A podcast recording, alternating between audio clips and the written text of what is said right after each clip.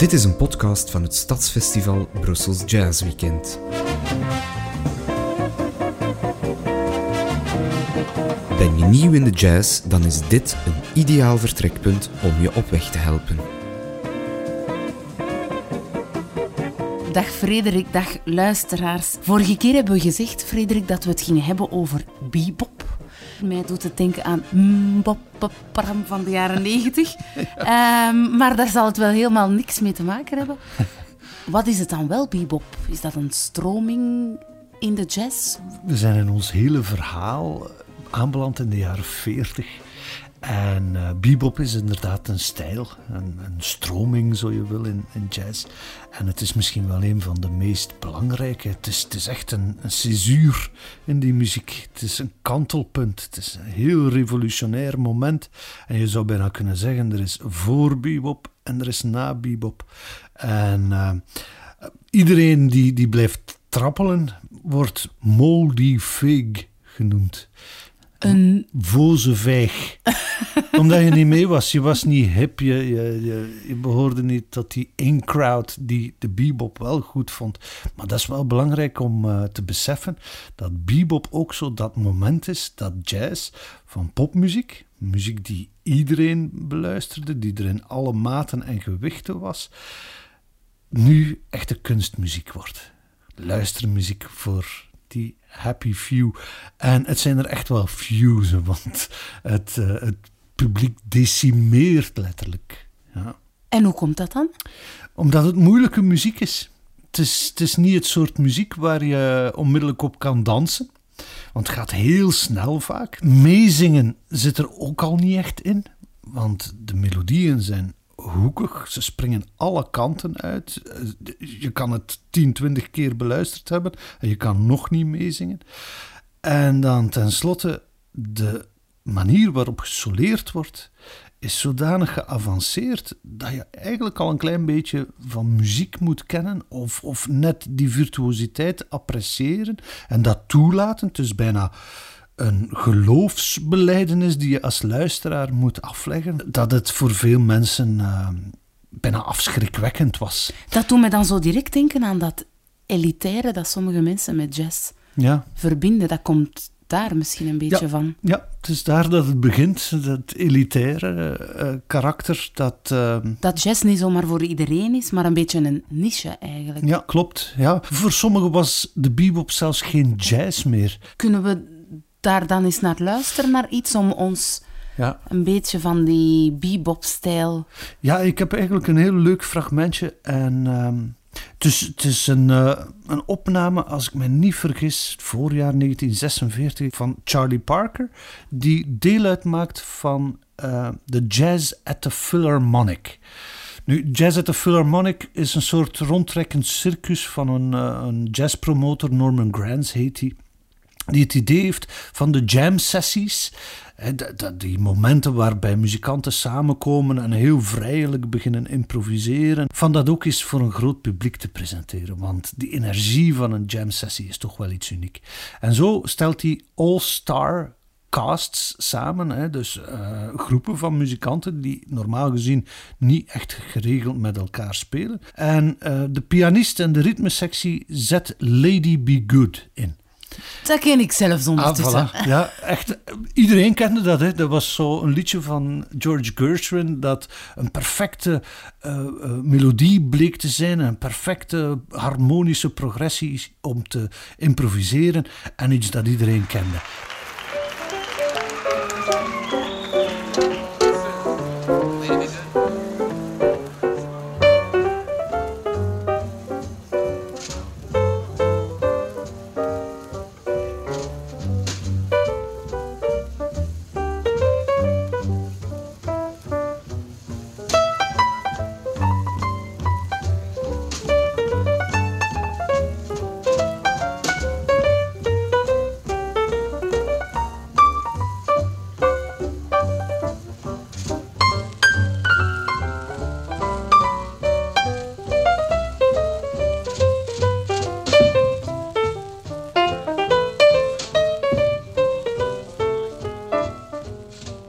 Je hoort, het is, het gezellige swing. Zo het soort jazz waar iedereen zich wel thuis bij voelt.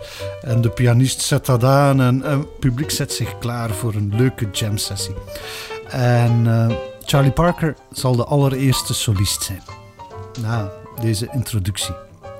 En het interessante aan Parker is, hij speelt onmiddellijk iets anders dan de melodie. Want die melodie kennen we. Hij gaat die compleet negeren en duikt in de muziek die in Kansas City zo belangrijk was. Dat is de blues. Maakt daar een bluesstuk van.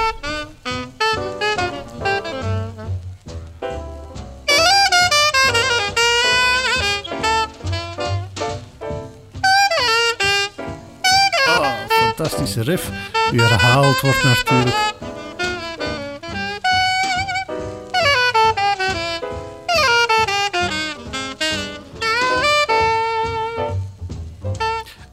Komen er al een aantal noten die je niet zomaar verwacht.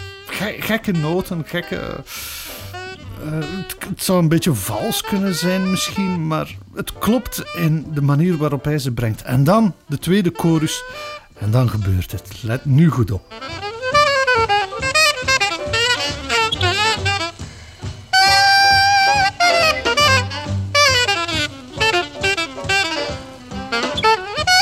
ding gaat niet een vierde versnelling, dat gaat een vijfde versnelling.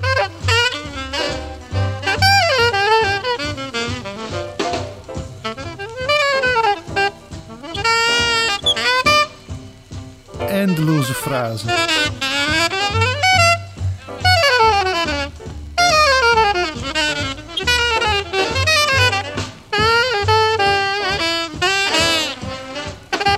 En dan eindigen weer met de blues zoals hij begonnen is. En dit is echt zo'n moment dat de jazz voorgoed verandert. Want je moet je voorstellen, die solo is gedaan en kijk in de coulissen en al de collega-muzikanten staan daar met een kin op de grond.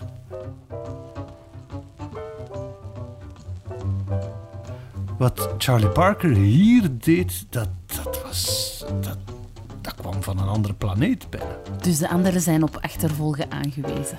Ja, maar wie gaat daar nu na gaan spelen? Wie, wie gaat naar deze solo naar voren komen en daar iets tegenover stellen. Ik zie altijd voor mij die muzikanten die naar elkaar zitten kijken. Oh, en ze porren elkaar aan en niemand die, die wil. Hè.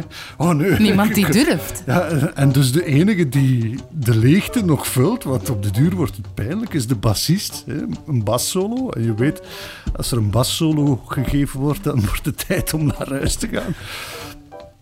Maar dat duurt zeer lang. Uiteindelijk zullen ze één man vinden die bereid is om uh, naar voren te komen. En het kon bijna niet anders dan uh, Lester Young zijn. Want Lester Young was de grote solist binnen het orkest van Count Basie. En dat was dan weer de band van Kansas City, de geboortestad van Charlie Parker. Dus Charlie Parker had heel zijn jeugd naar Lester Young opgekeken, die proberen imiteren. En het is gepast dat hij hem zal vervangen. En je hoort, het publiek is ja, blij dat aan, aan die lange stilte een eind komt.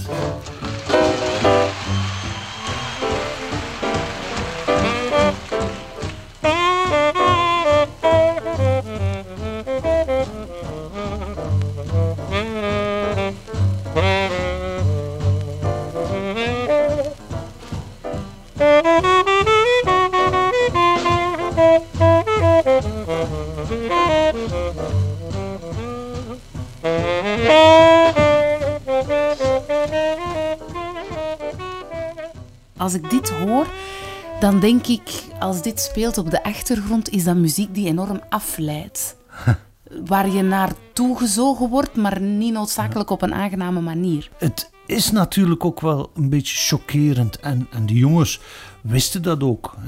Ze speelden daar ook een klein beetje mee in de manier waarop ze eh, zich kleden, Franse barretten bijvoorbeeld. En, en dan hanteerden ze ook een, een dieventaaltje die, die voor de in-crowd veel betekende maar voor een buitenstaander ja, totale gibberish was. Hè. Ja. En vandaar ook de naam bebop. Hè. Dat is iets wat eigenlijk niks betekent. Hè. Misschien is het een referentie naar hoe die muzikanten spelen. Die Ja. snelle lijnen als je zou beginnen scatten. Hè. Dus eh, woordeloos improviseren met je stem. Dan kom je daarop uit, op bebop. Bebop is ook het soort muziek waar mensen die, die dan niet van jazz houden naar verwijzen. Om te zeggen van ja, dit is toch, die bebop, dat is toch niet echt iets voor mij. Maar ik vind de energie die die muziek heeft, daar, daar word ik gelukkig van. Ik, er is naar mijn gevoel geen jazz gemaakt die zo spannend is ook. Ik denk dat we toch nog eens iets moeten beluisteren dan om mij daar volledig van te overtuigen. Ja? Ja, Eh, we zullen iets beluisteren van de allereerste sessie van Charlie Parker. Maar we weten niet precies wie daar allemaal mee meespeelt. Alles wat ze spelen is, is eh, nieuw en is revolutionair. We gaan eens luisteren naar een stuk dat je misschien eh, wat vertrouwd in de oren klinkt. Het heet Now's the Time. En mij doet het altijd wat denken aan de Hucklebuck. You do the hucklebuck, and when you're out the luck. Maar de Hucklebuck is van later, dus ik, ik vermoed dat eh, de componist van de Hucklebuck goed naar Now's the Time geluisterd heeft. Een bluesje, het gaat niet zo snel, maar luister eens naar die solo van Charlie Parker. Geniet daar eens ten volle van.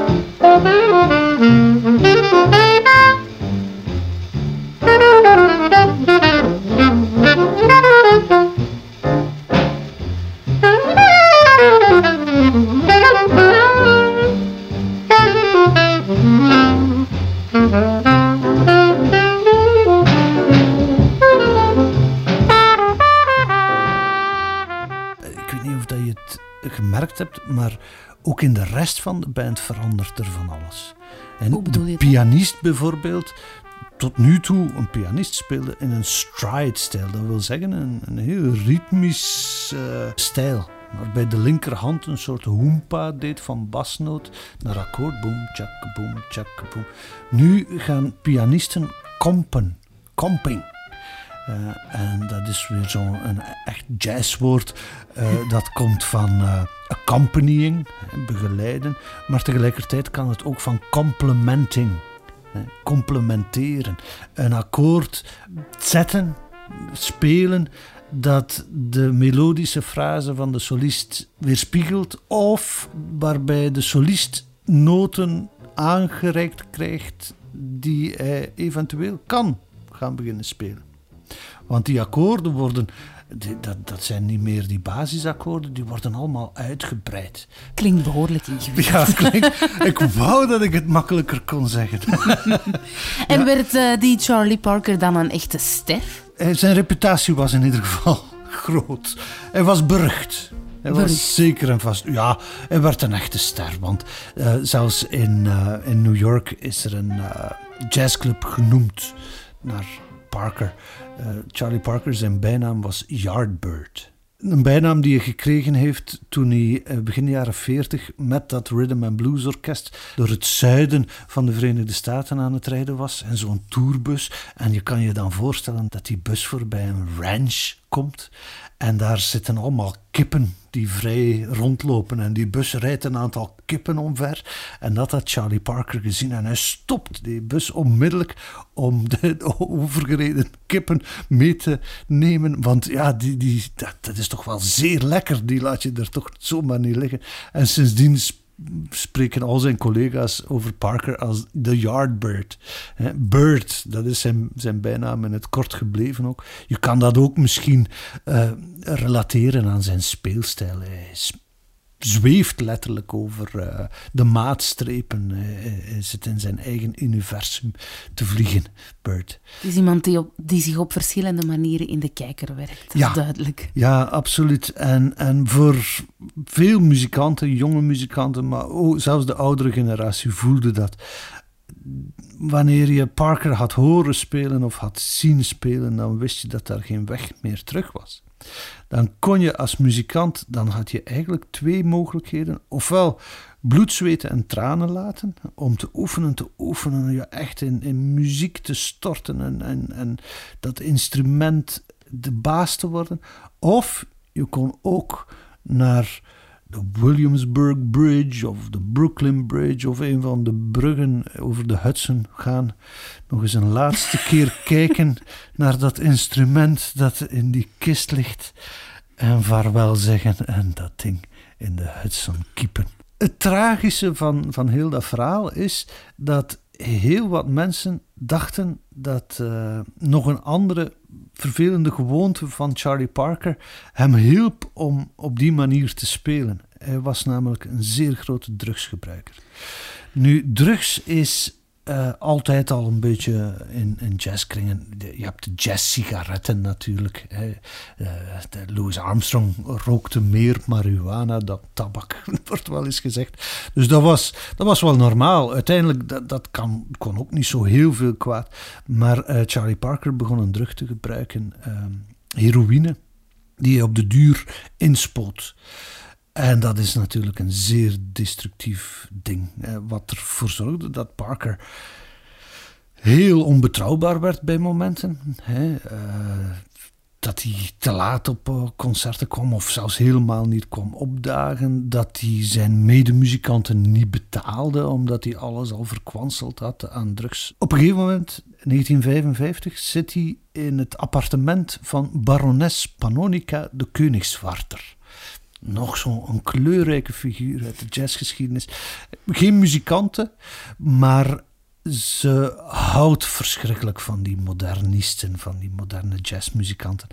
En uh, ze wordt zowat de mecenas van die generatie. Want ze zit er nogal warmpjes in. Ze is verwant met uh, Baron de Rothschild, dus geld is geen bezwaar.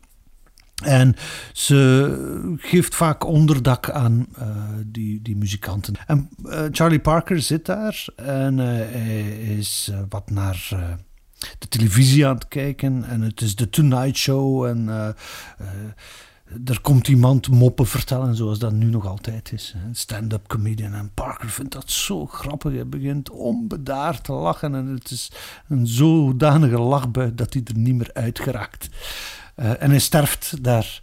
En de dokter die de, de overlijdensakte komt opmaken, ziet dat lichaam, herkent Charlie Parker niet, maar hij schrijft in zijn uh, akte van de man die ik hier vind is een Afro-Amerikaan en ik schat hem toch ja, een leeftijd van 50, 60. Charlie Parker was op dat moment 35. Oh, dus het zijn. Dat genoeg, ja. Ja, dat, dat, uh, ja.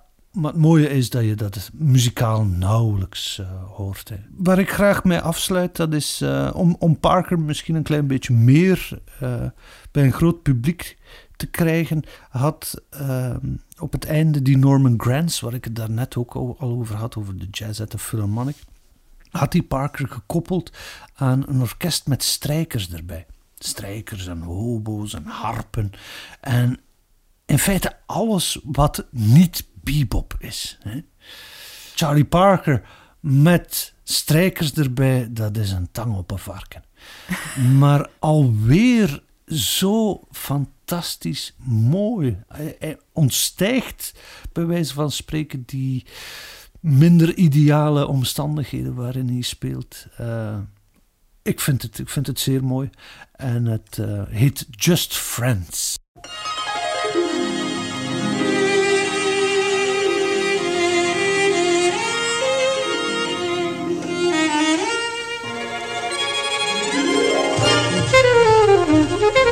Vond het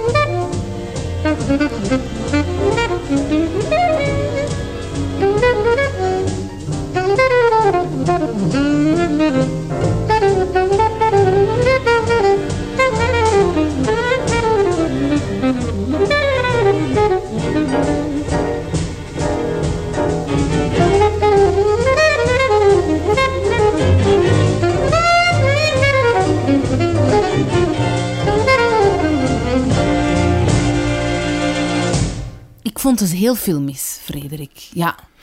Ja, het is, het is bijna een Disney-filmpje. Ja, de ja. achtergrond. Uh, maar daarboven uh, de, de bird die aan het vliegen is. Zo mooi, zo mooi. En we kunnen daar eindeloos over blijven praten. We hebben maar het topje van die grote ijsberg uh, bekeken. zoveel muziek om te beluisteren ook bekijk eens die film van Clint Eastwood, misschien Bird heet hij, over uh, het leven van Charlie Parker. Ook wat geromantiseerd, maar dan leer je de figuur een beetje kennen en hopelijk zo leer je van de muziek wat meer houden. Dat is een goede tip, zal ik zeker doen. En uh, we ronden hier af wat Charlie Parker betreft. En volgende keer Houden we het nog bij de bebop? Wat mij betreft kunnen we daar nog een paar jaar over praten. Maar we kunnen het wel uh, nog hebben over Dizzy Gillespie en over Thelonious Monk. En misschien ook wel de vervanger van Dizzy Gillespie. Dat is de jonge Miles Davis.